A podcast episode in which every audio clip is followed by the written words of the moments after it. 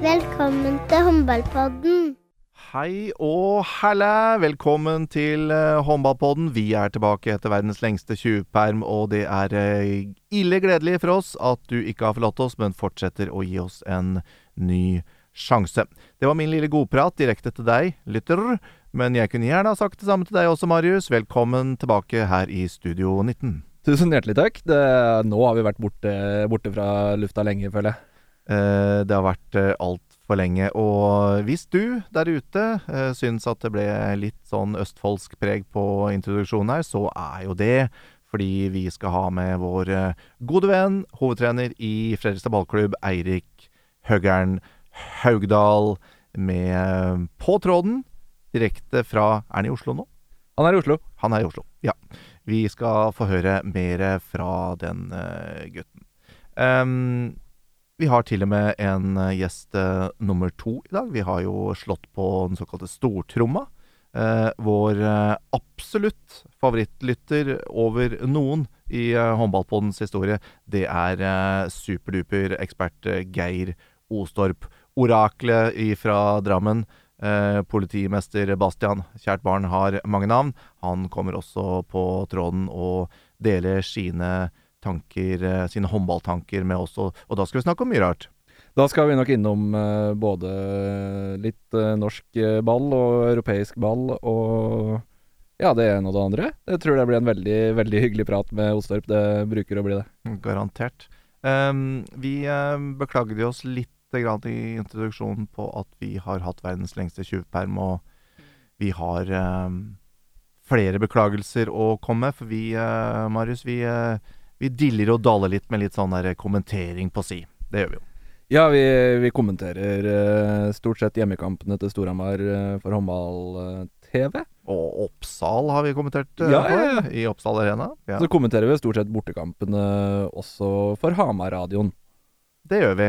og i anledning e HF-cupens tredje runde, match to, nemlig kampen mellom Storhamar og Tertnes, så hadde Hamar Arbeiderblads nett-TV kjøpt rettighetene til eh, kampen. Dette er kamper i OEF som vanligvis ikke sendes på håndball-TV eller A-medie, og da er det jo prisgitt uh, den uh, lokale pressen som eventuelt sender ut på en eller annen nett-TV. Og det gjorde Hamar Arbeiderblad. Spurte oss om vi kunne ta på oss oppdraget, og vi sa jo tusen takk, det var jo hyggelig. Um, og da var en del av jobbeskrivelsen eh, å være såkalt lokalt entusiastisk eh, og heie fram hjemmelaget. Um, det syns jeg vi fikk ganske bra til, eh, Marius. Der var vi, der var vi sterke. Vi var sterke det. Og så gjorde Storhamar-jentene det enkelt for oss, da. Det var jo en feiende flott eh, håndballkamp. Ja, for oss som har litt uh, gule og blå briller, så Jeg telte 30 ballkontroller i andre omgang og 25 mål. Det er ganske greit uh, levert av, av Storhamar-laget. Ja, det får en si. Um, og etter kampen så kommer Hamar Arbeiderblad og gir oss klapp og ros på skulderen for godt gjennomført match. Det har jeg ikke sagt det ennå, så nå skal du få høre det. Hyggelig. Ja, takk. Ros og klapp til deg. Eh, men du, det vi ikke hadde tatt høyde for, var at i Bergen så satt det selvfølgelig mange og fulgte kampen også. De hadde jo spytta i disse fem kronene for et femukersabonnement eh, eller noe sånt på eh, Hamar Arbeiderblads nettsider og fulgte med på kampen. Og da kom meldingene. De kom ifra Bergen, og de inneholdt en del kritikk. De syns ikke vi hadde vært særlig nøytrale i kommenteringen. Og er det én ting jeg har lært etter en årrekke med samboerskap, så er det å legge seg paddeflat, ta imot kritikk, uansett hvor berettiget det enn måtte være. Så nå, øh, når vi er i gang med beklagelsene, sorry, sorry, Tertnes. Vi er jo kjempeglad i dere dypt innerst inne. Ja, beklager det. Uh, samtidig så så var Tertnes også Altså Storhamar var flinke, men Tertnes var også fryktelig svake i den, særlige særlig i andre omgangen. Så det var, det var, vanskelig å være spesielt entusiastiske over det de blå viste ut på banen der. Det var, det var litt, litt, sånn skremmende å se på den kollapsen fra Tertnes-spillerne. Vi får uh, spare de uh nøytrale brillene til eh, neste A-media-kamp, eh, Marius. Så må vi huske på det. Eh, være romslige og nøytrale. Så nok en gang, Tertnes, beklager. Ikke, ikke forlat oss. Vi har lagt oss flate. Skulle ikke skje, det skjedde, osv. nok snikk og nok snakk. Vi får gå videre i innholdet i denne åttende utgaven av eh, Håndballpodden. Vi skal selvfølgelig snakke mye håndballfaglig i dag også. Vi har jo med oss disse to superdupe gjestene. Um, og det er jo tross alt julepause for jentene i Rema 1000-ligaen. Og selv om vi har flere spillere fra ligaen på vei ned til Japan og, og verdensmesterskapet som går av stabelen der snart, en hel gjeng av unge og håpefulle er også på rekruttsamling i Oslo. Um, vi har LK00-jentene som skal spille turnering i Ungarn. Vi har LK02-jentene som spiller Scandi Berico på Hønefoss. Og skulle du ikke ha sett det, LK04-jentene skal ha sin første samling i Skien. Og da er det vel eh, Tonje Larsen og Gite Madsen. Gide Madsen. Yeah, Gite Madsen, eh, som er trener der. Um, som, som, tar imot uh, de jentene til sin første samling. Men sett bort ifra det, da, hvis det nå er noen jenter som er igjen ut ifra den uh, haugen av, uh, av uh, samlinger, så er det stort sett fri for, uh, for, jentene nå. Før oppkjøringsperioden starter med blikket mot del to av sesongen, eller vårsesongen, hvis vi kan kalle den det. Den starter allerede den 2. januar for flere av lagene. Tre kamper som, som går av stabelen da. men for noen, Marius, så starter den faktisk 29. desember, hvor nå alle lagene er klare til en finalefest i Oslo Spektrum.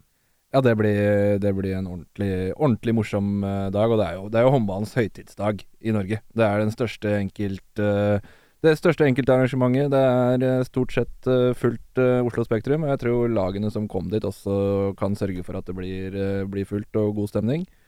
Det ble da Storhamar og Vipers på damesida, Elverum og Haslum på herresida. Så har vi da i tillegg to NM20-kamper der Rælingen møter Aker på jente 20, mens eh, Fyllingen møter Follo i gutte 20. Så det tror jeg blir en veldig, veldig fin dag i Oslo.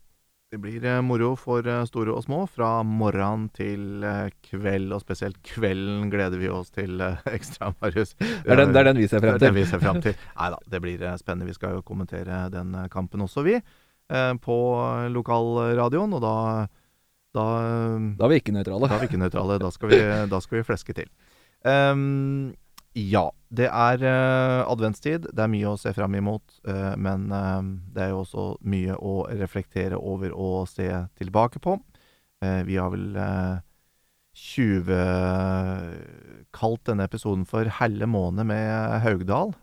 så vi får se hvilke betraktninger og vurderinger på noen prestasjoner i del én av sesongen som han uh, har lyst til å peke på, og se hvilke som vi kan sette kvalitetsstempelet helge måned på. Um, litt sånn Fredrikstad spesial, da, kan du si. Litt sånn spesial? Spesial, ja. ja. Så uh, kommer uh, Geir senere for å komme med sine betraktninger. Han har vel vært i det vi har kalt for Skyggenes dal en liten stund. Jeg er helt sikker på at han kommer til å Eh, stige ut ifra den dalen og ta eh, ansvaret for et uh, større lag på senere. Det skal vi snakke med ham om senere. Du, um, på dette tidspunktet i sendingen så bruker jeg å si Er du klar? Jeg er klar. Blås i gang. Fint. Da tar vi såkalt avkast.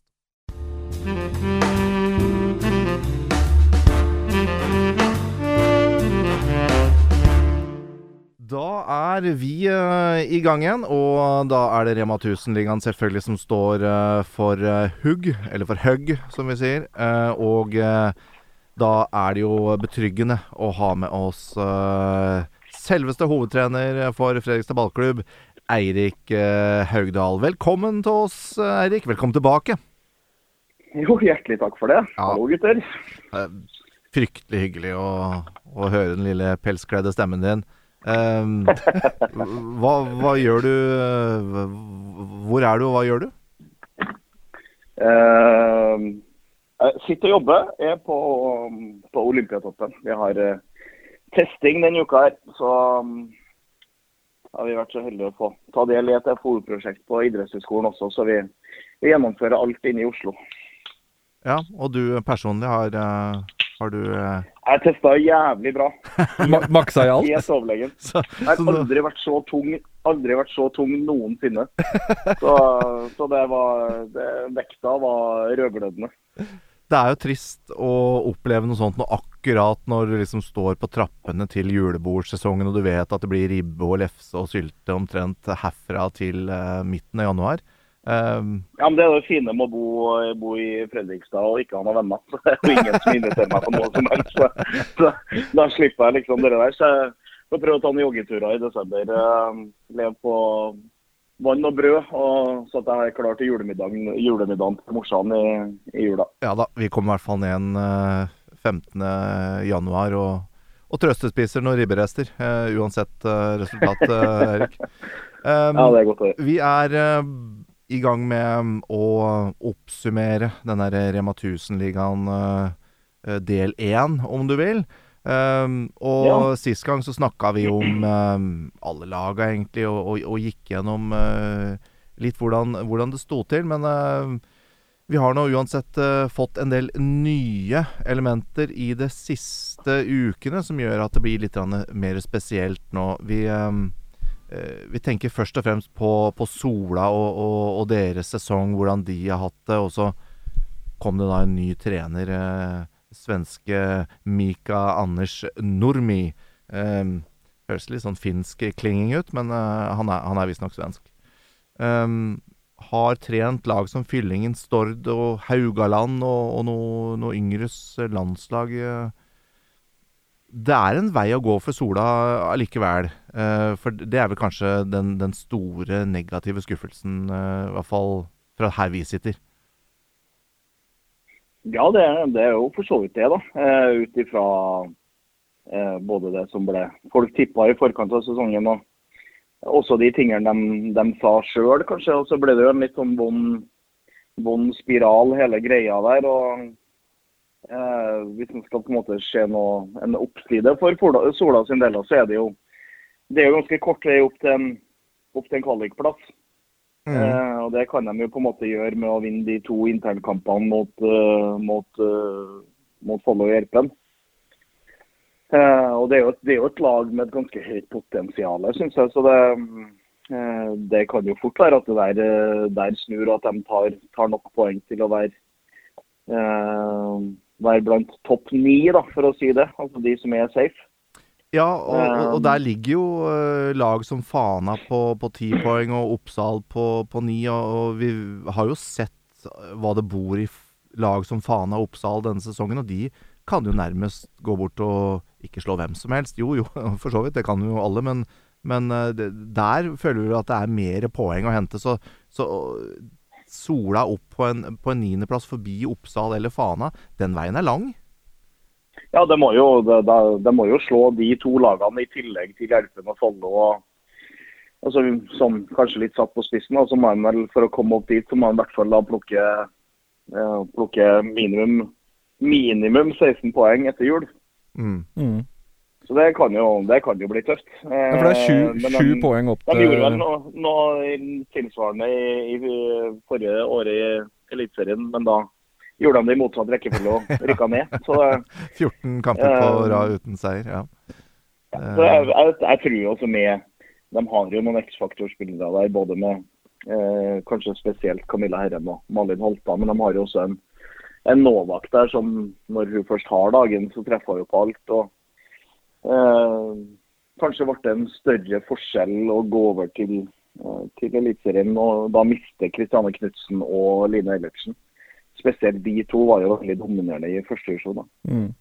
Ja, for det sju poeng opp til, opp til trygg plass, og det jeg, Altså, jeg tror jo at Sola kommer til å ta flere poeng etter jul enn de har gjort før jul, men at de skal ta sju poeng mer enn Oppsal, åtte poeng mer enn Fana Jeg sliter med å se det, da. Prøv å være litt positiv nå, Tobekk. Jeg er født pessimist. Nei, men også, og det er kanskje spesielt Oppsal da, som fikk en som fikk liksom en kjempebrutal start med at eh, Janne Eklo røyk der med en tragisk korsbåndskade. Mm. Eh, som var en veldig essensiell del av hele oppkjøringa og en viktig del av spillet. Så jeg tror jo på en måte dem også eh, har et mye høyere potensial enn det de har vist hittil. Altså, det, det er jo en del lag foran Sola på tabellen som nok har et høyere makspotensial enn det de har vist hittil i år. Så det skal jo, det skal jo godt eh, Det skal jo bli tøft å ta igjen de, de som ligger 9, 8, 7, 6 Ja. og så tar vi til med fem, da, som kanskje er innenfor rekkevidde. Vi var jo innom både var sju poeng opp til Oppsal og åtte poeng opp til Fana. Vi kunne gjerne også sagt ni poeng opp til Fredrikstad. Um, Ja, men uh, det er vel det. ikke den Jo, det er jo det. Uh, det er fakta. Men uh, vi har vel ikke Ja. noe tro på at, at Fordi du er jo tross alt hovedtrener for Fredrikstad, så vi skal spare deg for å, for å mene altfor mye om alle andre lag. Men du kan mene veldig mye om ditt eget lag. Og, Ja. og vi kan jo ta og se på hvordan du opplevde å komme til eh, Fredrikstad og, og, og slite litt i, eh, i starten av sesongen, hvis det er lov å si det. Og, og så få litt sånn forløsende kamper eh, etter hvert. For prestasjonen, den har, den har steget i riktig retning. Ja, jeg, jeg syns jo at vi har at vi har hatt utvikling. Det gjør jeg. Først og fremst kanskje i den offensive delen av spillet. Eh, Vi, vi er jo blant de lagene som hvor det er en del målrike kamper. Vi slipper inn fryktelig mye mål. Eh, Kanskje har noe med at treneren var en fryktelig dårlig forsvarsspiller sjøl, jeg vet ikke. Men eh, jeg syns jo, jo at vi hadde stigning, men vi hadde jo en litt brutal august da, med, med ni spillere ut fram til siste treningskamp før seriestart. der, og Mange av de spillerne var også jenter som, som var tiltenkt ganske, ganske store roller. og så eh, møter du jo Byåsen og Storhamar på bortebane i de to første og får ja, rett og slett ordentlig stryk eh, på Hamar. Eh, Ja, den var brutal. så, ja, og så får vi jo en eh, ålreit opplevelse borte mot Sola der, men får en midt i trynet mot, eh, mot Aker. og Da, da ser vi litt sånn hvor, hvor skjørt det er. da, Vi berger jo med hud og hår i, i slutten av kampen mot Follo. Eh, vi gjør en dårlig kamp mot Oppsal, og så kommer vi eh, kommer vi i seriekampen mot Follo vin, vi vinner i hvert fall. Men det, det er jo ingenting som er sånn ekstremt vakkert. Men, eh, men jeg, jeg, syns, vi har tatt steg. og mm, Begge de to kampene mot Vipers, de to Eket-kvalikkampene mot Tertnes, kanskje spesielt de kampene, er jo kamper som vi, vi føler at vi gjør en del positive ting i. Ja, altså, nå er jo ikke det håndball matematikk eh, på noen som helst måte. Dette har vi jo diskutert eh, tidligere, Erik. Men, eh, men hvis du ser de to kampene dere hadde mot Besançon, hvor det blir et tomålstap i begge kamper, og så har jo også Jeg du aner hvor du skal nå. Ja, du har jo også fulgt med, ikke sant? Og så, ser du hvor, hvor, hvor jevnt det er når Besançon spiller mot, eh, mot, mot laget uten budsjett, eh, som vi ofte har kalt det, Odense, i, eh, i Danmark. Eh, tenker du at eh, den danske ligaen, litt oppskrytt. Vi er ikke så langt bak i Norge her på Bjerget som eh, vi skal ha til, og i ditt tilfelle prestasjonene har kanskje vært ålreite, sjøl om det har svingt en del. Ja, Det var mange spørsmål inni der. da. Ja, ja. Jeg tror at den danske ligaen er et, er et stykke foran oss. Men det, det er også en helt annen kvalitet på, på det rundt i ligasystemet der. Ja. Um, men eh, vi møtte jo Esbjerg med Storhamar i fjor. Det var jo et av de få lagene som tok poeng mot dem. Mm. Um, et lag som for øvrig har starta ganske godt i år også. Det har vært helt Ja, og så er det vel litt mer trøblete i, i Odense enn eh, enn de kanskje skulle ønska sjøl. Eh, og så lever jo kampene lever jo helt sitt eget liv. og det, Der jeg tror kanskje at eh, hvis han så kommer til kamper mot Fredrikstad og er litt uforberedt, så tror jeg kanskje Odense gjør noen av de samme går litt i den samme fella mot Besançon. da. For det, jeg mener vel at de er et bedre lag. Mm. Mm.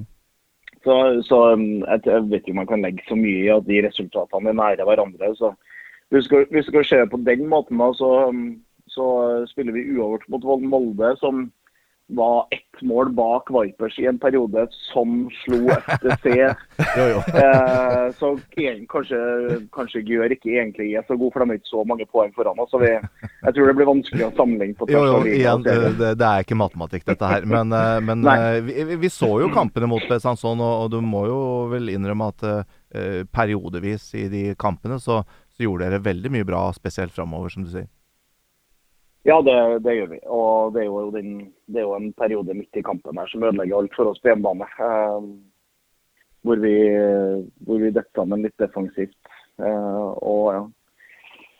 eh, får en del skudd imot oss i litt for gode leger og sliter med å få redninger. og Da er vi eh, da er vi sju eller åtte mål bak. så vi, Da er kampen kanskje i realiteten kjørt. Eh, selv om det blir igjen til slutt der, så vi måtte, jo ha, måtte jo ha fem mål til for å kunne gå videre. Så de, de hadde vel i realiteten ganske god kontroll. Ja, de hadde for så vidt det. Um, over til noe mer hyggelig. Uh, det var uh, gratiskamp, eller Kronekampen, jeg vet ikke hva du kaller det, uh, nede, i, nede, i, Fredrikstad. Men det var iallfall en kamp hvor næringslivet hadde gått inn. er det så mye som 85 firmaer som hadde vært inne og spytta inn penger i den gratiskampen deres i Kongsenhallen mot Molde? Det var nå siste onsdag. Og da ja, det var det da eh, gledelig å se at det ble eh, publikumsrekord med 1627 tilskuere i, eh, i Kongsdalen. Eh, fortell litt om den opplevelsen. Det må ha vært eh, livvatt? Ja, det var det definitivt. Ja. Um, jeg sitter jo litt for meg sjøl i forkant av kamp og går ganske sent ut i hallen, så jeg kom vel ut sånn 20-25 minutter før kampstart. og da var det rimelig fullt. De drev og satte opp ekstra stoler bak, eh, bak begge målene, eh, så at eh, folk skulle ha sitteplass. Og det møter styreleder der som er, som er over seg av, av, glede og nesten litt rørt over at vi har fått det til. da. Mm. og det at vi har 85 bedrifter i ryggen, det, det vitner jo om at uh, man har fryktelig god støtte i det lokale næringslivet.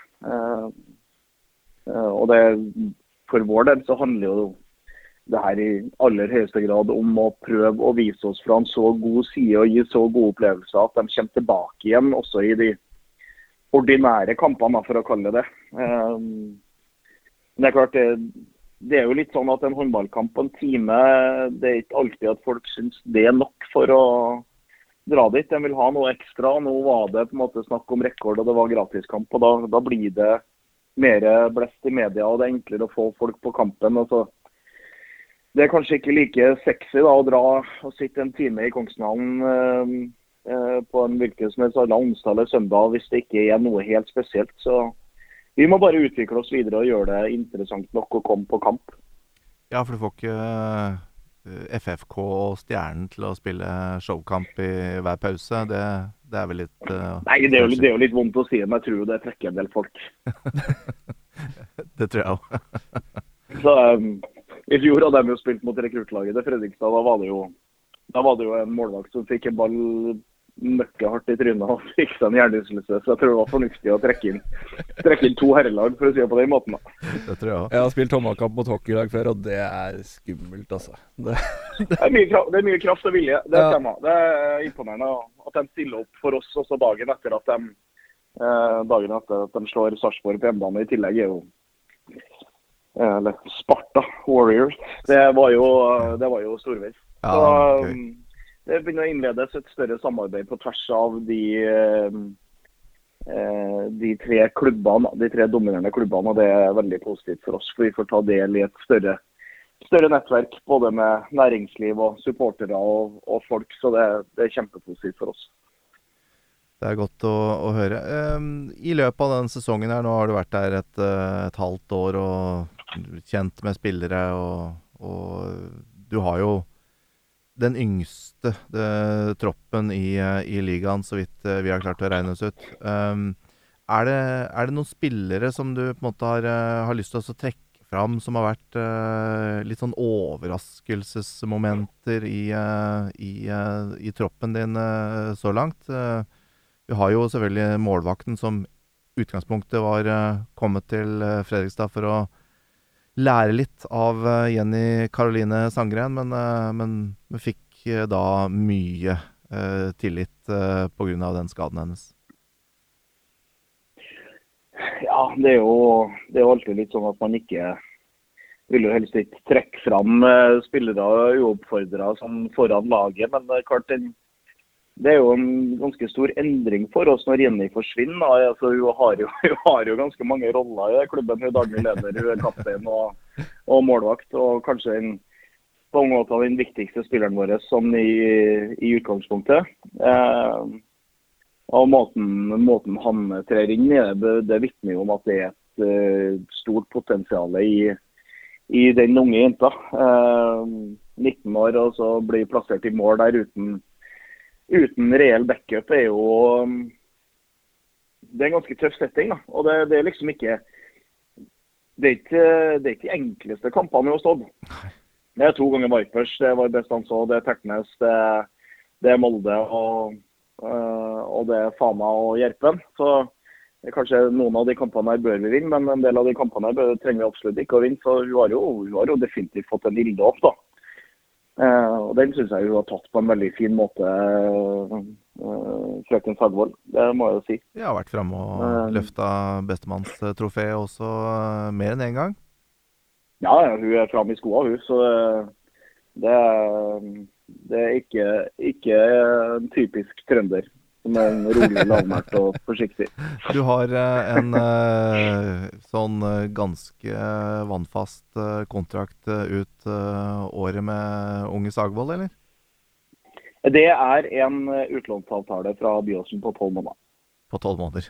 Det er bra. Ja. For det, du har jo også fått med deg hva som har skjedd i, i det siste. Og uh, frøken Gluic, uh, hun har forlatt Byåsen, og da er det jo en, eh, en ledig plass som andre målvakt der oppe også, men, men eh, klart Byåsen har mye talentfulle målvakter i, i lokalområdet sitt, så det er ikke, det er vel ikke helt tomt på benken der, tenker jeg. Jeg tror de skal klare seg ganske fint i den, den posisjonen der. Så det, det, det tror, Jeg tror ikke det blir aktuelt. i eh, Atle er en sånn type som er veldig opptatt av, veldig av enkeltspillerne sine. og det at han valgte å la Hanne få prøve seg ut, det sier jo, det sier jo en del om han. Eh, og han tok, eh, han tok den sjansen og er en, er en, veldig positiv og fin fyr. Så eh, jeg tror nok han ser på muligheten nå til å gi andre unge ungjenter i klubben en sjanse også, sammen med, sammen med Annik der. Ja, og Byåsen er vel en sånn klubb der du Hvis du er andremålvakt på benken, på benken til Byåsen, så er det vel per definisjon tredje-fjerdemålvakt. Lippmann står vel så lenge det så lenge det ikke skjer noe spesielt der. Så det er vel bedre for han å være hos dere sånn for hennes utvikling sin del. I hvert fall sånn det er nå. Ja, det, sånn som det er nå, så, så tror ikke jeg hun kan være så mange plasser hvor, hvor det er bedre for henne. Utfordringa er jo at det kan bli litt mye i perioder. da. Ja. Um, det er ganske brutalt å stå så én ting å være 19 år og bli plassert ut på en sving der, men uh, kanskje forrøre ballen to-tre ganger i, i kampen med noe helt annet. Og, å stå som målvakt og, og hele tida må være til stede. og det, det, er jo, det er jo en realitet at hun gikk fra, fra nivå 3 eh, og NM20 til eh, en eh, andre målvaktsrolle i Fredrikstad. og Plutselig så står han med det hele og fulle ansvaret. og Det er klart det, det, det er jo det er utfordrende. Mm. Det er ikke noe tvil om. Nå er jeg inne på Byåsen, uh, Eirik. Uh, uh, er uh, hvem av, uh, og Rema 1000-ligaen generelt uh, Hvilket lag er det som du tenker at har overraska mest positivt, eller gjort det bedre enn en, forventa? grunnen til at jeg sier det når vi snakker om Byåsen, er for at jeg syns personlig de er et av de lagene som kanskje har prestert en god del bedre enn det, enn det man hadde trodd på forhånd. Um, er det noen andre lag der som, uh, som du mener bør ta den prisen? Uh, halvspilt sesong i mente? Ja, det, det synes, jeg syns det er litt vanskelig å svare på. hvis det Altså Det laget som har imponert meg absolutt mest i år, da, er, sånn gjennom de da halvspilt, det er jo, er jo Vipers. De har jo tross alt hatt noen, noen skader, dem òg. Mm. Eh, så totalen de har levert i, i, eh, i, høst, er jo meget imponerende. Ja, På bakgrunn av skadesituasjonen? Eh, er det i ja, altså, de, de, har stått der. De, de har jo et ganske ålreit lag på sidelinja. Så, så, de har jo stått mye smalere enn tidligere. og Det er jo spillere som har spilt, som også har hatt utfordringer. og De har gjort det fryktelig godt i Champions League. De har kommet seg til en, til en NM-finale. og har gått ubeseira igjennom, eh, og ganske så solid òg, da. Ja. Eh, det så vel i fedrelandsvennen her at de, de, hadde vel aldri gått igjennom eh, eller gjort det så bra eh, noen gang i toppdivisjonen. Så, så jeg syns jo det er imponerende. Og vet, Byåsen ja, de har vært fryktelig gode. Jeg vet ikke om jeg er overraska, for jeg syns de har et ganske godt lag. og det jeg sa vel det før sesongen også, at jeg, jeg mente det var en ganske klar medaljekandidat. Mm. Vi, hadde, vi, hadde, vel de på fjerdeplass bak Viper, Storhamar og Molde på vårt ja, tips. Det var ingen som turte å sette ja. Molde på noe annet enn en medaljeplass med, med, med det mannskapet der. Eh, det er klart, eh, I etterkant så kan man jo eh, kanskje trekke andre slutninger, men det er jo gjerne ofte sånn med fremtiden. Da. Det er ekstra vanskelig å spå. Ja, det, det, er jo det. Og hvis det er noen, på en måte et lag som har overraska veldig positivt, da, så, eh, så, så er jo så Fana har jo tatt ti poeng. Ja. Eh, de har eh, slått fryktelig gode lag. og det, det uten den desiderte toppskåreren fra i fjor og det er nye jenter som tar nye steg. Så jeg syns jo de er, de er, positive i det hele. Mm. Og så er det jo klart det Wilhelmsen og Holmeset har gjort på på, oppå Bygdøy der er jo, er jo meget imponerende. Det, det må man bare si. Mm. Ja da, de har uh, tatt elleve uh, poeng på de første ti kampene, og det er jo i god rute til fornya kontrakt. Og det er vel uh, ingen av de lagene som, som, du nevner der som har noen sånn spesielle ambisjoner om noe annet enn en fornya kontrakt, vil jeg tro? Nei, det, det vet jeg ikke. Jeg tror det er noen av dem som uh, har en ambisjon om, om målsetting, i hvert fall inn, eller ambisjon om uh, sluttspill. I hvert fall intern målsetting. da. Mm. Så, så det, det, er jo ganske åpent her. og det, Vi snakka litt om sesongen at lag nummer tre til ni på tabellen fort kan slå hverandre i, i ulike kampene. og Byåsen klarte seg ganske mye bedre enn det. da. Men, uh, men mellom Tertnes og Oppsal her så føler jeg at det er ganske, det er ganske åpent. Ja. Det er vel Aker det eneste laget som ikke har møtt uh, Vipers uh, også, så um, Men uh, Aker har gjort det godt. tilbake til dere, Erik. Har jo vært omflakkende, nærmest tatertilværelse. med både Råde og Moss og ja, alle de plassene der de har nedsenka biler, egentlig. Um, og nå er dere endelig tilbake til Kongstenhallen etter uh, oversvømmelse og tekniske problemer i vaktmesterrommet, og er klare for en kavalkade med hjemmekamper uh, over uh, nyttår. Ser du for deg at dette her kan, kan bli en, en, en, vårsesong hvor virkelig Fredrik skal vise seg fra sin aller beste side nede i Kongsdalen? Jeg håper jo på det, selvfølgelig. Men eh, Ja, For du får jo en tid til å, å begynne å, å, kjø, oppkjøring på nytt. Og, altså det, er, det er mye som, som, løses i løpet av desember? Ja, det, du kan gjøre mye riktig og mye feil i løpet av den, eh, den perioden der. Eh, altså For vår del så handler det om å få erfaring. Jeg, jeg vet ikke om vi er det yngste, eller vi er i hvert fall blant de absolutt yngste i ligaen. Eh, og Det er jo jenter her som har tatt, tatt ganske store steg siden vi starta opp i mai. Eh, og jeg synes jo at eh, Fordelen med å spille hjemme er jo det at man slipper, å, man slipper ut og reise og slipper å spise bort. og Man kan forberede seg til kamp hjemme og ta en liten økt på morgenen. og det, sånn, det, er ganske mange sånne ting som forenkler det. da. Men av de hjemmekampene så er det jo det Vipers, det Storhamar, det Byåsen. Uh, og det er Aker som vi skal møte hjemme, og det er lag som ligger foran oss.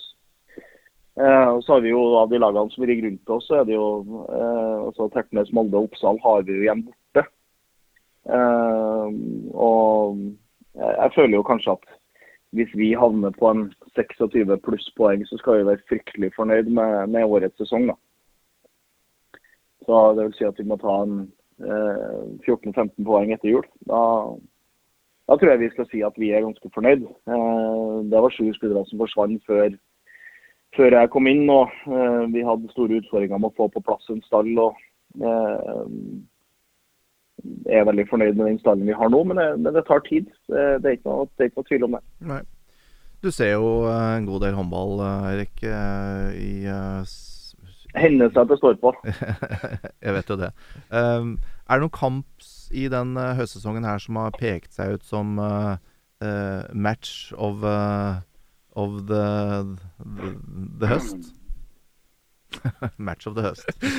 Det, det var Det var et godt spørsmål. Jeg går ut ifra at du i hvert fall har tenkt på noe, da, i og med at du har uh... Nei, altså jeg, eh, altså, Jeg må utfordre deg litt, for du eh, Når du begynner også, også grave deg i skolten, vet du, så dukker det plutselig opp et eller annet. Uh... Ja. Nei, jeg, eh, kjedelig svar, men, men Vipers, eller Storhamar Vipers Der syns jeg jo at de Rosa fra Kristiansand viste seg fra en uh, meget sterk side. Ja. Uh, det syns jeg jo. Uh, NM-semifinalen mellom Vipers og Molde syns jeg Molde var fryktelig god. Ellers så vet ikke jeg. altså I seriespillet så, så syns jeg, jeg synes jo at det er varierende kvalitet på det som leveres. Eh, både i egne og andre sine kamper. Eh, og det Tidvis er det fryktelig fin håndball, og i andre perioder så syns jeg kanskje at det er er ekstremt mye feil og bomskudd. Så det, eh, vi, vi har jo et steg å gå nå for å for å utvikle vårt produkt videre. Men jeg, hvis jeg må trekke fram noe, så tror jeg det blir Storhamar Vipers. Heidi Løke 13 av eh, 13 ehm, i eh, den eh, Ja. matchen. Eh, og når vi er inne på Vipers, vi leser jo også i, i media nå for tiden at det er snakk om budsjetter, og det er snakk om økonomiske rammer. og Sørlandsskipsen sjøl, Markussen nede i, i Kristiansand, han nevnte vel eh, at budsjettet til Vipers ligger nå på ca. 23 millioner. Det begynner å bli nærme seg sånn, eh, sånn Larvik-klassen, eh, hvis vi husker tilbake til eh, den tida. Begynner gapet mellom Vipers og Rekla, om du vil, da, å bli så stort at vi nå omtrent ser samme situasjon som Altså, er, er de untouchables? Er det per nå og i si noen år fremover? Ja, altså det, det er ingen som klarer å utfordre Vipers eh, eh, sånn som situasjonen er i dag. Men jeg, jeg, tror at, jeg tror ikke at man skal starte med å sammenligne budsjettene. Mm. Eh, altså Vipers har jo kommet seg dit eh, gjennom gode prestasjoner. De starta jo ikke med det. De har jo fremdeles fem millioner mindre enn Fredrikstad fotballklubb i andredivisjon i, i fotball. Så, eh, eh, nei, jeg, jeg tenker at eh, altså, det, jeg- det jeg syns de har gjort fryktelig riktig, da, det er jo Én ting er jo typevalg, noe annet er jo eh, det, den ramma som er rundt der med eh, De har investert i Vipers-akademiet.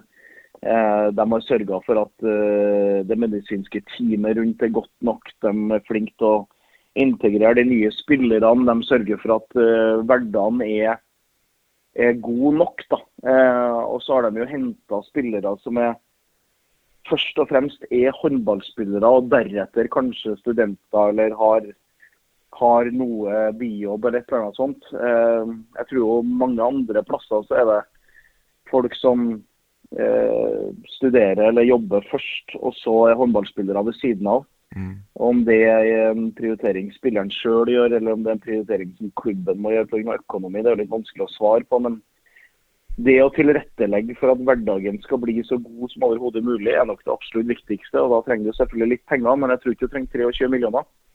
Og Det budsjettet har de jo fordi at de konkurrerer på så mange arenaer og har så gode spillere.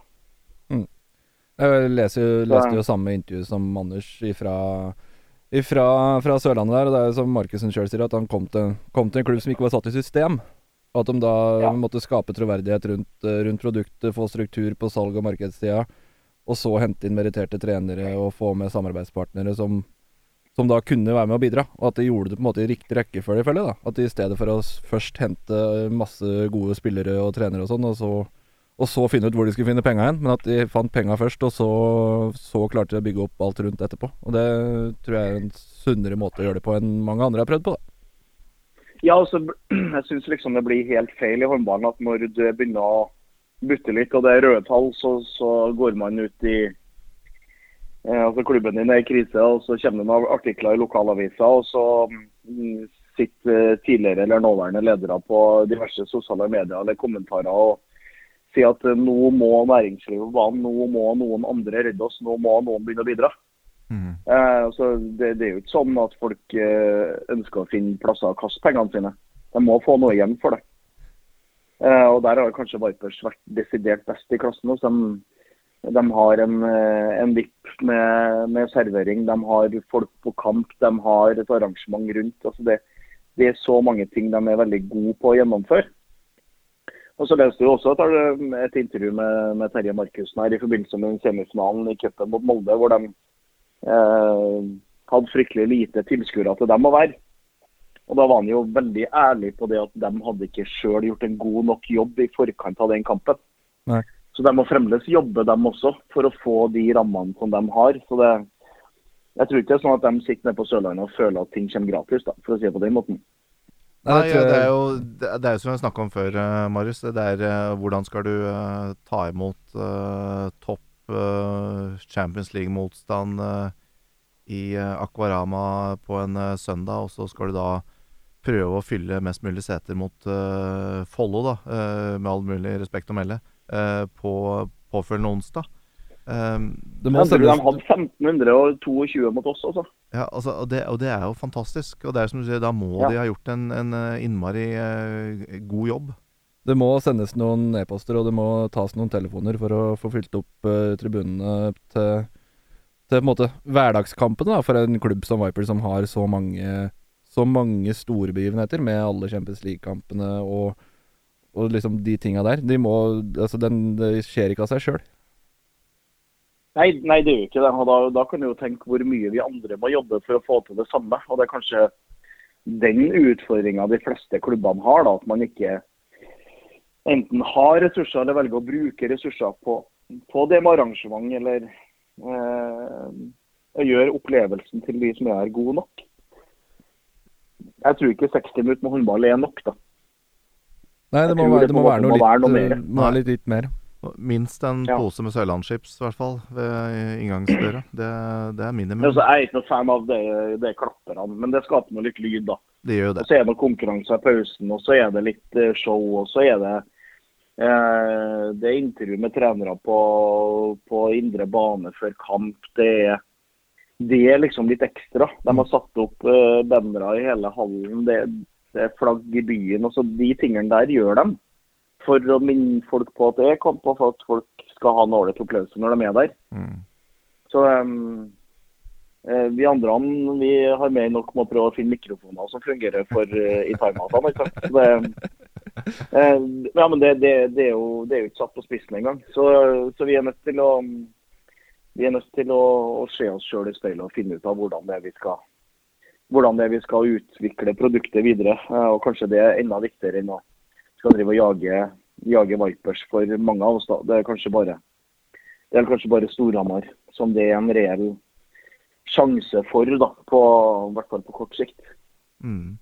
Du eh, Eirik, du har jo sjøl sittet her i eh, studio og sett på den der klokka som tikker på innspillingstablået. og, og nå er den i ferd med å tikke såpass eh, langt eh, utover den eh, tiden som et normalt stikk skal eh, inneholde. Så Hvor tror- mye tid hadde du liksom målt det for min del? da? Jeg hadde sånn, eh, du vet jo, sånn ca. 25 minutter. Nå er vi jo Ja. Nå har vi gått over det. Jeg passerte det med god margin. Ja. Ja, gjort det. Sånn vi bruker å gjøre. Men du, eh, Det, er ingen, det er ingen som blir lei seg hvis du bare fjerner det her. da. Det, du kan bare droppe det, liksom, så blir det ålreit. Alle, alle er glad for å høre, høre stemmen din. Alle er glad for å høre stemmen din. Og eh, vi håper jo at du eh, blir med oss eh, vi, eh, ved neste korsvei også, Eirik. Når du har eh, tid og støen, som vi sier, så er det alltid hyggelig å høre dine betraktninger om eh, håndball og Rema 1000-ligaen og de greiene der. Um, tar du turen eh, oppover eh, til jul, eller? Det blir, eh, det blir jul i Trondheim, Det blir jul i Trondheim? Ja. ja. så jeg må hjem eh, Det er jo her en podkast, så har man lov til å si det. Må hjem og dele et glass konjakk med fatter'n. Det er viktig. Det, det er viktig. Men eh, Ja, det er hyggelig. det er ingen som trenger å si noe om størrelsen på det konjakkglasset. Nei, nei, nei. Det kan være et, Nei. eh, Pint? Jeg bytter bytte, det.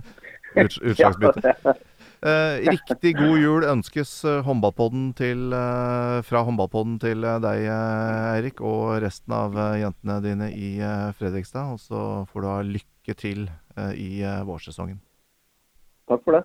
God jul. Tusen takk. Ikke gå noe sted. Vi er straks tilbake. Og da ruller vi videre i eh, håndballpoddens eh, jungel, og denne gangen ut fra savannen så dukker eh, vår favorittlytter Geir Ostorp opp. Velkommen til håndballpodden, Geir. Jo, tusen takk. Ja, Takk, takk. Veldig hyggelig å ha deg med igjen. Um, du, um, hvordan går det? Du, det går egentlig, det går egentlig fint. Uh, Holder til i skyggenes dal eh, med, noe- med, noe- med noen jenter. Eh, og så hører jeg på dere hver uke, eller i hvert fall prøver å holde meg oppdatert. Og så Ja, så jeg tror fortsatt jeg er en håndballnerd som får med det meste. Ja, det er, eh, det er godt. Eh, Og Skyggenes dal, eh, det betyr vel Reistad, det da. Og der har jo eh, kanskje mest meritterte eh, trenerteamet som eh, andredivisjon noensinne har sett. Ehm, det går greit om dagen? Ja, vi har vært, eh, vi har vært flinke etter de to første kampene. Eh, vi fikk vel eh, litt hetta i første kampen, hvor vi, hvor vi tapte. Og så møtte vi, møtte vi Fredrikstad 2 i kamp, nummer, i kamp nummer to. Hvor da de stilte med bare åtte eliteseriespillere. Så da var det forskjell på eliteserielag og et andredivisjonslag. Så etter det så har det gått veldig fint. Ja, riktig. Du skal jo møte om snart, eh, du og Marius. Jeg sjekka, men det var ikke før, eh, før i siste runde i Lerøy det at vi skal møtes. Så er god tid. God tid. Ja, eh, nå er det sånn at eh, Kenneth han får lov å holde på med Lerøy-laget. Så får jeg lov å holde på med eh, kall det eh, Ja, hva skal jeg kalle det? Eh, A-laget. Brød- det er jo akkurat samme laget. Så, så ja. Så, så sånn er det. Du, eh, vi er jo eh, i eh, slutten av eh, den der eh, høstsesongen, eh, som vi, som vi kaller det. Og da er det jo litt sånn tid for refleksjoner og, og mimring, og se litt sånn tilbake på eh, hvilke, hvilke lag eh, i eh, Eliteserien som på en måte har pekt seg ut i, i, i positiv og negativ retning. Jeg regner med du følger godt med fortsatt. Hva slags betraktninger er det du har gjort deg i det du har sett i høst? Nei, jeg syns jo at øh, Jeg syns jo Vipers ser øh, Altså om det kommer av at nivået kanskje er litt dårligere i Eliteserien enn før, at de har fortsatt vært såpass øh, suverene med alle de skadene de har hatt, det, det vet jeg ikke så mye om. Men, men det aner meg at kanskje nivået og kvaliteten på Eliteserien er litt dårligere enn hva det har vært et par av de andre åra. Eh, For jeg syns Vipers har liksom vært eh, de er, Det er ikke noe tvil om at de skal være suverene, men jeg synes at med alle de skadene de har hatt, så syns jeg at de har fått fått det litt for enkelt, da, sånn sett. Men eh, at de ligger på toppen er greit, og så syns jeg jo Storhamar har gjort, gjort sakene sine, sine bra. Eh, kjedelig da at de ryker, eh, ryker for, for Fana oppi det hele. Altså, det, er jo, det, er jo, det er jo kjedelig når en ser på, ser på tabellen. Og så er vel eh, Ja, så du ser Byåsen på banen har gjort det bedre enn forventa. Tror de har gjort noe riktig der oppe. Og så, ja, så syns jeg, synes jeg vel i andre enden at det, ja, det overrasker, eller negative overraskelsen er vel at eh, Sola har vært såpass svake. Eh, og får vi se da om det snur litt. Igjen. Kan vi, eh, kan vi legge med, med, med Molde i den siste potten der eller? Ja, at de, i hvert fall forventningene før sesongen, altså, eller, altså før de spilte den treningskampen i oppkjøringa mot Byåsen, før det så var de tippa ganske høyt. Og så syns jeg det var et varsku at de røyk så voldsomt for, eh, for, eh, for Byåsen i, i den der ene treningskampen de spilte. da. Eh, og så har jo Helle Thomsen en tanke om hvorfor de gjorde det. Men ja, den har i hvert fall ikke slått det ennå, da. Den tanken hun hadde, tror jeg. Har, har du Eh, forstått hva den tanken var ennå? For jeg har, prøvd, jeg har prøvd å leite etter hva det kan være ganske lenge, men jeg har ikke helt fått, til å, fått det til å stemme. Nei, altså det er jo det er vel det at en ikke ønsker å vise hva en holder på med. Men, men sånn som verden er blitt nå, så tar det en seriekamp. Det, så veit alle hva du holder på med. Så, så jeg syns at det, det, der, bomma de, der bomma de skikkelig. For det, det, ser jo ikke ut som at de har kommet helt i gang, eller at de har funnet ut hva de er best på, da. For å si sånn. For det er mange fine håndballspillere der, og mange flinke håndballspillere. Som, eh, som per nå sannsynligvis har underprestert litt, syns jeg. Mm. Du starta, med å si litt om, litt om, nivået Litt om nivået i hele ligaen generelt. Jeg er veldig enig med deg. Vi har på en måte mista, mista Larvik, som har vært oppi der i mange år og liksom vært et av de bedre lagene. Tertnes har store utskiftninger. Det er liksom noen av de, de standardlagene som alltid er, alltid er, i toppen, da, som har blitt, blitt en del svakere eller borte. Og det tror jeg det har gjort gjort noe med nivået på serien, serien sett under ett. Eh, jeg, syns jo også at det er en svakere eliteserie i år enn det har vært tidligere. Ja, eh, og, sånn er det jo blitt, da, hvis en, hvis en tenker at uh, Hvis du tar det økonomiske perspektivet, da, i hvert fall at nå, nå, nå, kommer den kjedelige beskjeden igjen, da, uh, at Byåsen er ille ute. Mm. Og det kommer sikkert noen flere òg, tipper jeg. det er jo liksom tida for det nå, når du går i banken og ser at du ikke har nok penger. det virker i hvert fall sånn.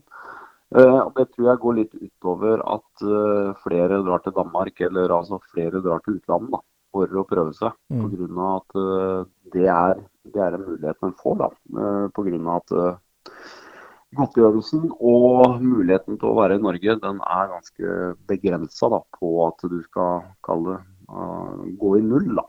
Du tjener jo ikke så mye penger på det, men det at du skal kunne gå i null, det hadde jo vært greit. Men det er mange som ikke gjør det heller. Og da skjønner jeg at folk eh, prøver noe annet. Og, og norske spillere er, uh, har veldig godt ry på seg, uh, og de gjør det jo bra i utlandet òg. Så, så, jeg skjønner jo alle som, som drar av gårde. Selv om det er veldig altså sånn, For produkter i norsk håndball så er det jo litt kjedelig. Men for, for de yngre spillerne så tror jeg nok snittalderen har gått ganske mye ned i de ulike stallene i forhold til hva han hadde før, i hvert fall.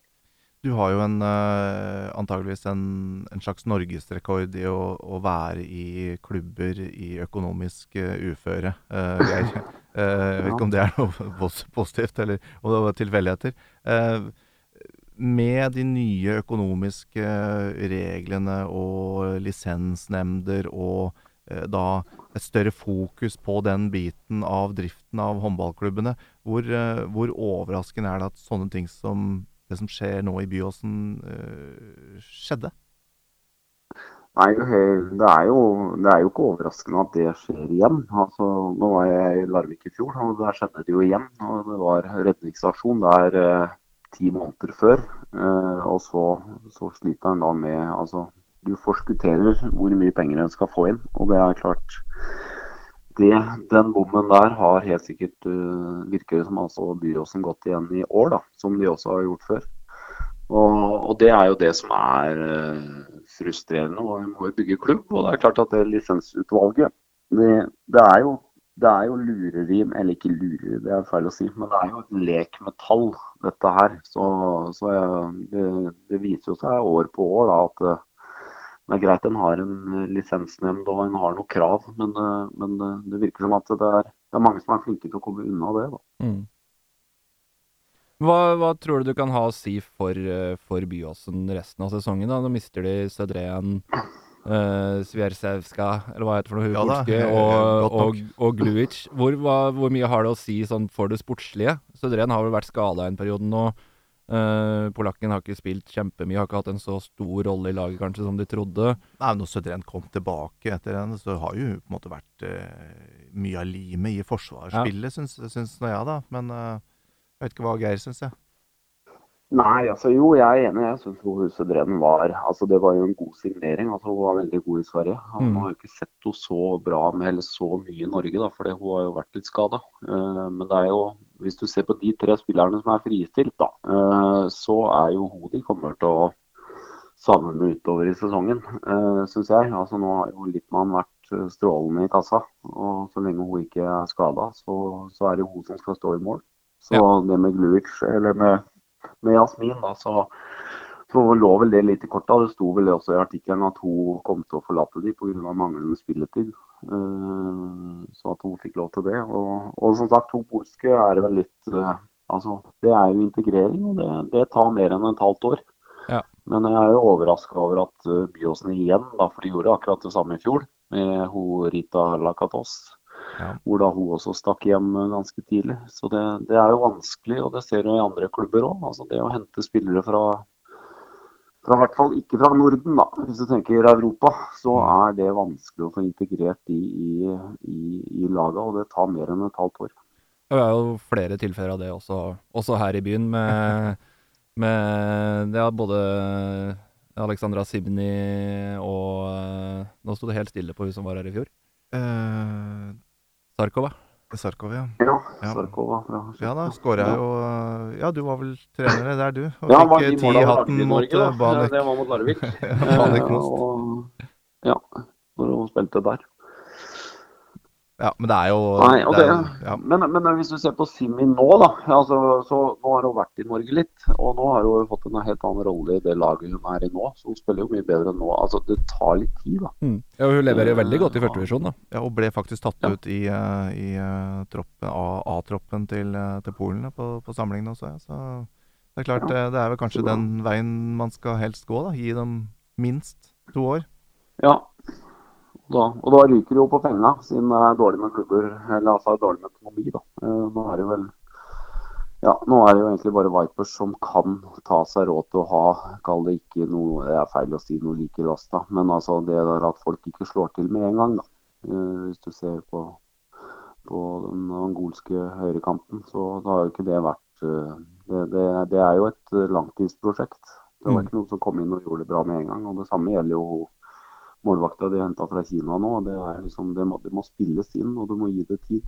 Men var ikke det litt rart, da? Kjøre et sånn et langtidsprosjekt på en uh, angolansk eh, høyrekant som er 33, liksom? Altså, uh, vi Jo. tenker jo at det var liksom eh, denne meitmarken på kroken for å få tak i uh, hun uh, Kasuma, ja. Det var nok det. Var nok det og så og så tror jeg det også er litt eh, andre ting her. altså Det spørs hvem som betaler alt det her til slutt. og Det kan jo være, kan jo være noen sponsorer som er inne og ordner dette med at de har noe Altså Se det i et litt annet perspektiv. da, med at du har kanskje du har forretninger da i Angola, og at dette, dette går seg til. Sånn sett, med de som, som står bak dette her. Så Det går jo an å se sånn på det også. Men jeg tror nok målet var at vi skulle hente linja. Det er jeg helt sikker på. Men nå har de Eh, jo relativt godt forspent på den posisjonen. Ja, nå har de ordna seg. det får en si. Um, vi kan uh, legge Rema 1000-ligaen uh, litt uh, til side, og så heller uh, gå over i eh, the big league, som man eh, sier. Champions League. Um, og Vipers er jo norske bidraget der, holdt jeg på å si. Um, eh, syns du de har prestert bedre eh, enn forventa der eh, også? Eller eh, er det omtrent som, som man skulle tippe på forhånd? Ja, jeg syns det er litt sånn å tippe Jeg syns det var som forventa. Altså, jeg tror alle som Og det tror jeg Ekstad var ganske klar på. Når han så det FTC-laget, hvordan de har stilt seg opp i år, så tror jeg han kjemper ganske tidlig på at det er et lag som er mulig å slå både hjemme og borte. Selv om det er i Ungarn. Og at å vinne borte i Ungarn har, har Vipers aldri gjort. Men, men eh, jeg tror han så at det, det FTC-laget er nok dårligere enn hva det var i fjor. Mm. Uh, og så også det at de, de lå jo ganske godt under hjemme mot Metz, men det at de da klarte å få inn, få inn uh, uavgjort der og få med seg det, det, der tror jeg det Det er vel der sikkert ekstra er mest skuffa over den, den prestasjonen i høst, for å si det sånn. At du taper borte for Metz, det tror jeg er helt vanlig. Altså det, det tror jeg du må, det må du bare ta med deg, for det er et bra lag. Ja, så klart. Eh, Og så var de så heldige at den, den ramla ut, det tapet de hadde borte i Kroatia. og Det Ja. tror jeg det lå vel litt i kortet at det kom til å bli sånn. Det gjorde det. Ja, Men det er kanskje det mest overraskende var vel at FTC snubla til seg et poeng mot nettopp Metz på tampen. Ja, og da, og da viser jo liksom sånn der at der tror jeg Metz eh, tenkte mer på det verdensmesterskapet som kommer nå. Eh, og tenkte at dette går greit, siden vi da har slått i, slått i, i Ungarn. Så Men så, så, skal Nei, det jo det krysses opp da imot eh, kanskje den, eh, den, Ja. den verste, altså den tøffeste eh, krysningen som eh, kanskje kan minnes vi har sett i et, eh, eh, i et eh, hovedspill i Champions League eh, noensinne, egentlig. Um, det er vel bare Gjøre som, eh, som mangler for å, for, for, for å sette det på spissen. Um, Hva De kom jo til Final Four i fjor og, og klarte en, en bronsemedalje, hvis man skal kalle det det. Um, I år så var jo vi ganske tydelige på at nivået har heva seg betraktelig, og at det blir eh, tøffere enn noensinne. Eh, hva er sjansene til Vipers for å gjenta bedriften fra i fjor? Nei, altså jeg, med å ha med seg fem poeng inn, så er jo det, så er det veldig bra. Eh, og så ser du at det, det er et par andre lag der som sliter litt også. Eh, nå, Team SPF ser jo, ser jo sterke ut, selvfølgelig. Det ser, ser bra ut. Men eh, norske lag mot, mot danske lag det pleier egentlig å være en fin, en fin match, tror jeg. Eh, Så der, der kan de jo få poeng. Og så er det klart Rostov Don eh, det er, et, det er et bra lag. Eh, og Så får vi se da om eh, Viakereva er så god som hun har vært, eller om de har fullt lag. Det tror jeg er litt sånn viktig. Og så er det Bucuresti. Der, der veit du ikke hva du får. Plutselig så er jo alle skada, eller at de ikke har fått lønn. Eller, altså det, er, det er så mye annet som, som spiller inn. Men jeg tror det blir viktig for Vipers å ikke bli, bli nummer fire i den pulja, da. For da går det på Gjør, og da er det over. Ja, da er du ferdig. Eh, ja, eh, så det, det blir liksom klar, Blir det, blir det to ja, hva skal jeg si, to, en, to eller tre i den pulja, så tror jeg det er mulig å gå til Final Four igjen. For det, det er egentlig bare, som dere sier, da, at det er jo bare Gjør som er i den andre sida, som er kallet uslagbare. da. Ja, selv om Brest har jo på en måte tatt for seg de òg, da, i en dog Ja. kanskje litt svakere gruppe. Men, men de, de står jo med full, eh, full pott der. Ja da, de det, er, det er jo et bra lag. altså Det er jo bare det er ikke noe dårlig lag sånn sett. Eh, men det er klart eh, hvis det, jeg, jeg tror det er Nå har Viper slått, eh, slått Brest før. Det gjorde de jo i EOF-cupen ikke under Jekstad, men, men under Kenneth. Så, så det, det tror jeg kan være litt bedre. Altså, Gjør slår jo ikke. Altså Hvis de har alle mann på, på plass. Og så, så skal det bli spennende å se Vipers etter jul, med at når Reistad kommer tilbake han har ytterheng. Eh, altså at de også har litt mer å spille på, da.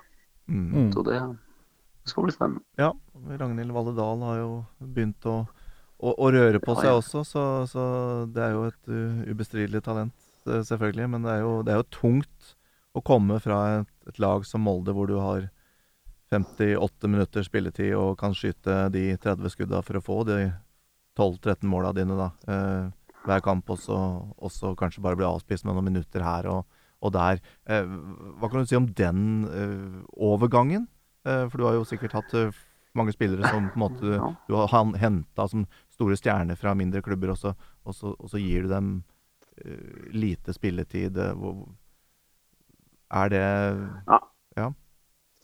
Ja, nei, altså det er jo Nå har hun jo fått en høst på seg med å ha spilt uh, seks kamper i Champions League. Og du, du ser jo det at uh, i noen kamper så blir det mer spilt i enn andre. Og, og det er klart at du har jo en sånn X-faktor i at hun bare kan gå inn og kaste ballen i mål. Det siste målet Siste målet i siste kampen var vel fra 13,5 meter, hvor hun bare kaster en ballen i mål. Altså Prodraka der. Eh, Så hun har jo en sånn X-faktor i at hun skyter kjempehardt. Og så så er vel utfordringa til Ragnhild, i hvert fall sånn som, sånn som det ser ut, da, sånn som Jekstad ønsker at det skal spilles, da, det er jo at det, at det skal, skal være litt mer system over det. Hun hadde jo alle pollettene eh, i Molde og fikk gjøre akkurat som hun ville sjøl. Det, det er klart sånn blir det ikke når det kommer til, kommer til Vipers. Og det er mange på samme nivå som henne, da. Mm. Så, så fordelen faktisk, med, eh, med Ja, unnskyld. Nei, hun er jo faktisk den, den tredje mestskårende Viper-spilleren i Champions League i år. Ja. Og Til tross for ganske lite spilletid i første, første par kamper. Så det, det Ja. har jo vært en, vært en imponerende utvikling gjennom sesongen sånn sett. da. Ja, og det Jeg tror jo bare den kommer til å, å fortsette, selvfølgelig. Eh, hun, er, hun er gjerdig og hun er flink til å trene og hun er interessert. Og hun kommer jo til å bli altså det, det, det kommer til å bli veldig Altså det er veldig bra, men det kommer til å bli enda bedre. Og det er klart, hvis du ser på, på Reistad gjennom fjorårssesongen, da, så så Mm. du liksom hvor bra det blei altså når vi kom til jul, og, og særlig etter jul, da, hvor hun bare herja. Mm. Og, og det skal bli spennende å se, se når hun kommer tilbake nå. For det jeg synes jo, Den som har imponert mest i Vipers i høst, det er jo Emilie Heg Arntzen. Ja, Som jeg, som jeg syns har vært strålende i alle spillets faser. Ja, og spesielt egentlig fordi det er vel en av de spillerne vi har eh, vært kanskje mest oppgitt over, da. Ikke bare på, på Vipers, men også på landslaget til tider. Eh, det gjør jo noen ting med hele tempoet i, eh, i spillet. Det går liksom litt treigere og sånn, men hun har jo eh, det, det, det blikket. Eh, jeg begynner jo å, å lære litt håndball, jeg også, etter hvert jeg har sett noen kamper.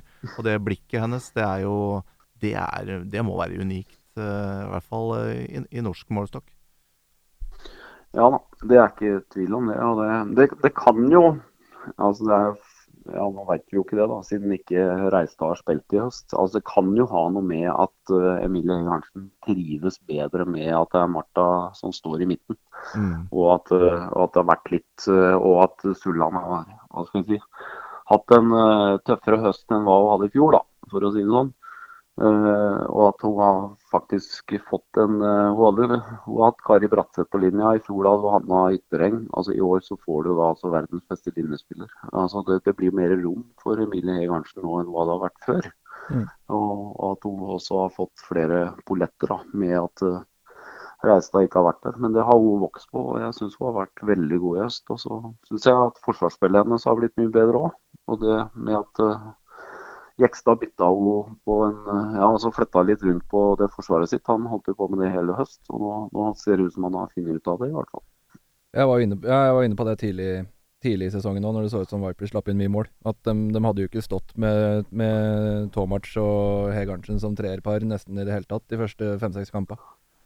Det var liksom først i første Champions League-kampen at eh, de to sto der og, og var, var sjefer igjen, som de var i fjor. Ja, og så virka det Og så ser det ut som de har bytta litt plass òg. Med, med at Hanna Ytreng ikke sto på den, så flytta de over der. Og så har Heidi Løke kommet inn, og hun står jo ikke som treer, hun står som, som toer. Og ikke sant, det blei litt sånn Han har jo hatt noen utfordringer med å få snekra sammen det forsvaret. Og der, der syns jeg også Emilie har vært, vært flink. Men tror du at uh, når Henny uh, kommer tilbake, skal vel prøve seg litt i cupfinalen, uh, så vidt rapportene sier, at det vil gjøre noe med dynamikken i det, det offensive spillet til Vipers? At tempoet blir skrudd opp, og, og hun ikke da kommer til sin rett, som hun gjør i dag? Kan det være et, eh, et tema? Nei, altså jeg tror, jo- jeg tror bare Jekstad får en, enda en streng å spille på. Uh, og det tror jeg også tror jeg Emilie gjennom den høsten her har ikke altså har fått mer selvtillit òg. Og jeg syns at hun, hun spiller med mer altså, hva skal si for noe, mer ro. Og, og jeg tror nok hun klarer å, å spille godt sammen med, sammen med Reistad også. Det, det tror jeg. Så, så det gjør jo bare sitt at uh, Vipers har enda et, et kort å spille. da. Da slår vi fast at uh, vi tror på at Vipers uh, kan karre seg til uh, en Final Four-billett mot Ikke alle odds, men mot en del odds, i hvert fall. Og at det hele ender med en ungarsk gulasjfest med Gjør som tar den store pokalen. Det er vel ikke noe bombe. Nei, altså eh, Han mister jobben, han treneren i Gjør, hvis ikke de står i den finalen. Eh, Så det er jo det er arbeidskravet i den klubben der. Ja, det er nok flere klubber det er et arbeidskrav i borti Øst-Europa. Eh, vi, kan gå, vi kan gå videre i Europa. Vi er jo eh, også ett lag med i EHF-cupen. Eh, vi hadde to i den tredje utslagsrunden til gruppespillet, men det ble eh, rimelig overlegen eh, seier til uh, Storhamar i den avgjørende kampen. Og eh, trekningen skjer i morgen. Eh, Hva eh, sier du om nivået i EOF-cupen eh, i år, eh, Geir? Den, den syns jeg personlig ser eh, bedre ut enn på ja, lenge.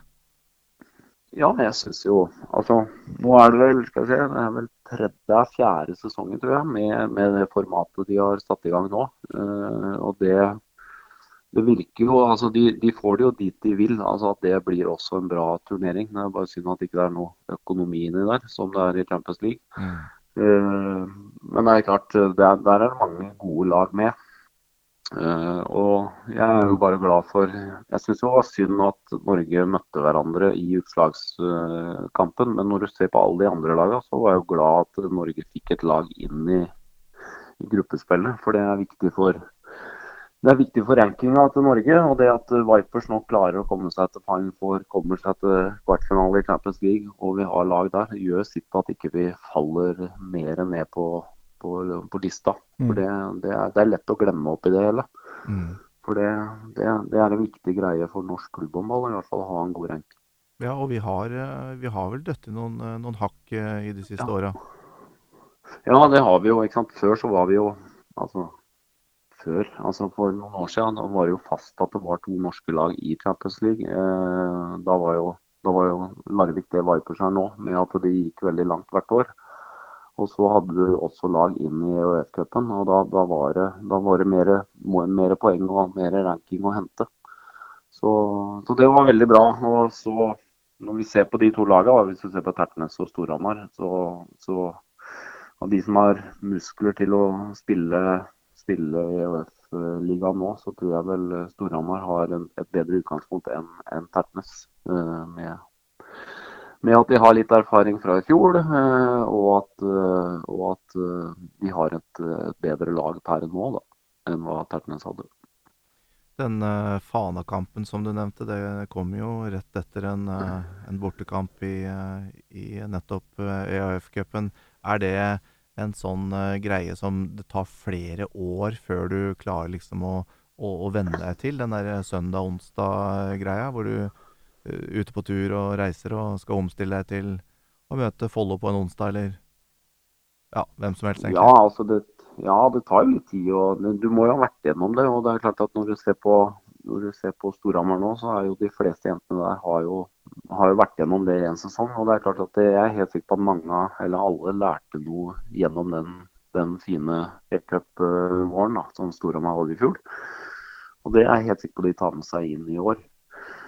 For det virker jo som at uh, de gjør, gjør, gode grep og, og, og er, har fullt fokus. Uh, så, så, jeg tror at uh, den erfaringa også Det er klart at med, med Magnus ved og med, med, sammen med Espen, så, så, har jo de vært gjennom litt, de også. Særlig Magnus. Han vet jo hva som, hva som kommer, til å, kommer, til å, skje. Og det tror jeg også er viktig. Mm. Så er det jo et, et lag der som har vært i særdeles i, i vinden de siste dagene. CSM Korona Brasov, som uh, har fått med seg en uh, doktor fra en eller annen bakgård, som ikke er doktor, og, og drev med noe, med noe fiffelfaffel. Um, har, du, har, du, lest deg på den saken? Det, hva, hva skjer der?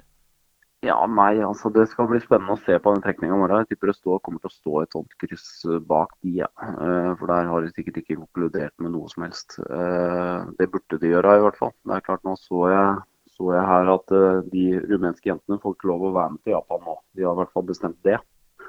For det var jo snakk om før i dag at to av de skulle være med, være med til Japan og spille. Men nå, nå tror jeg rumenske forbundet har sagt at ingen av de får lov å være med. Det var Thomas Ryde som sa nei ja. uh, til det. Um... ja, og det er nok det, det, høres ut som en god vurdering, sånn sett. Og så så jeg også at, uh, at han Per Johansson gjorde jo litt det samme i, med Montenegro. Det var jo ei spiller fra, fra, der også som, som, ikke fikk lov å være med. Så ikke du får den støyen i tillegg da, når du kommer ned i et mesterskap. Ja, så var det en brasilianer og sånt oppå det hele, så, så det er vel eh, Det er vel som du sier, det er vel overraskende hvis det ikke står et kryss på lag nummer to i pott tre-trekninga i AF-cupen i morgen. Ja, for det er, vel, det er, vel, noen som sier det at hvis det er så og så mange fra laget da, som blir tatt for, tatt for doping, så ryker hele laget. Altså det, det, det, er en eller annen sånn også greie. Og det er klart at hvis eh, Ja, hvis det, hvis det, er flere som ramler ut av skapet her, og det er sikkert noen som ikke er landslagsspillere som har gjort akkurat det samme, eh, så, så er jo det bare uheldig, selvfølgelig, for, for de. Men uh, da, da, slipper du en tur til Romania, i hvert fall. ja. hva, hva, skjer i sånne tilfeller? Er det et, et lag som blir erstatta eh, da, eller er, det, er dette nybrottsgreier? så du ikke liksom har Ja, det tror jeg. Det er nybrotts, og det er klart EOF de da velger vel et lag som de før, som skulle ha vært der, da. Uh, eller som har driti seg ut i Galliken, eller et eller annet sånt. Og så plutselig så er de inne likevel. Ja, en politisk beslutning som uh, i god gammeldags EOF-stil. Ja, riktig. Men det er jo en litt rar situasjon, da. For ifølge i hvert fall TV 2-saken, så er det, det er ikke forbudt gjennom WADA, men det er forbudt i, i Romania, det de har gjort, den laserbehandlinga? Ja, og det, og det er jo Om det da er at eh, de har og det skjønte jeg han Ruda hadde sagt, at uh, her er en nulltoleranse for, for, noe som skal være i nærheten av å, drive med ureint spill. Da. Så er nok en, en, det er nok noe Romania har tenkt godt igjennom, sånn sett. da. Uh, og så er vel WADA litt annerledes. og det er klart Du skal, du skal ikke så veldig langt rundt ned på Balkan der, før uh, det er sikkert flere som har gjort dette her, for å si det sånn. Så det, det, skal bli spennende å se om det er noe annet som dukker opp. Og det er vel eh, kall det fordelen eller ulempen med sosiale medier og, og bilder når det har vært nok av sånne typer bilder. De blir lagt ut når du har behandling. og det er klart Hvis det er noen andre klubber som har gjort noe gærent her, så kan det jo komme noen flere lik ut av Mass, massiv sletting av Instagram-innlegg i de Jo, Men den dagen du i, uh, har på deg uh, klubbdrakta og går til en eller annen uh, bakgårdslege og får en eller annen kanyle stukket opp i, uh, i kroppen, det er vel ikke det første du skal legge ut på, på Instagram? Nei, det, den, din private Vær varsom-plakat burde vel kanskje ha lyst, lyst imot deg der. Ja, Eh, skulle jeg mene. Vi skal prate enda heftigere om det off-air. Uh, bare sett på. Uh, jeg har noen meninger om det. Uh, du Geir, fryktelig hyggelig at du, at du, tok deg tid til å snakke litt håndball med oss igjen. Det var altfor lenge siden. Og så vet jeg jo at vi har sikkert en god halvtime, tre kvarter å fylle om, om andre ting som vi ikke har snakka om nå. men det kan vi forhåpentligvis spare til en annen gang. Det gjør vi. Det, det er gjør vi. godt. Veldig hyggelig å komme, og hyggelig å være med. Ja. Eh, lykke til videre med, med reisa, Geir, og så snakkes vi. Det gjør vi. Fint. Ja, ha det godt, Takk. Ha det bra. Hei. Da har en uh, lengre og hyggelig uh, sending kommet uh, til uh, ubønnhørlige slutten. Og det er klart for å takke for oss, Marius. og en ekstra takk går selvfølgelig til uh, Geir Ostorp og Eirik uh, Haugdal, som ja. uh, var med oss i dag. Veldig, veldig trivelige karer å prate med. Det gjør jo jobben vår veldig enkel. Det er jo, det er jo noe håndballfaglig kompetanse uh, ute og går der. Uh, det må ingen uh, lure på. Så får vi håpe du som har hørt på, har kost deg like mye som oss. Og så kan vi jo ikke love noen tid for neste podkast, i og med at vi er så busy som uh, vi sier. Men uh, vi kan i hvert fall love såpass at vi kommer tilbake så fort vi har anledning. Ja, det, det, sagt. Det, må vi jo kunne si. Og nå er det jo ikke noe Rema 1000-ligakamper for kvinner før på nyåret.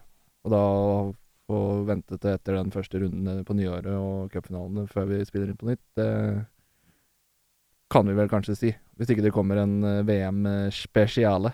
Det er uh, det som jeg sitter og tenker på. Vi har jo hatt en, uh, en uh, historikk i å ha en liten gjennomgang av det norske landslaget foran store mesterskap, være seg EM, OL eller VM.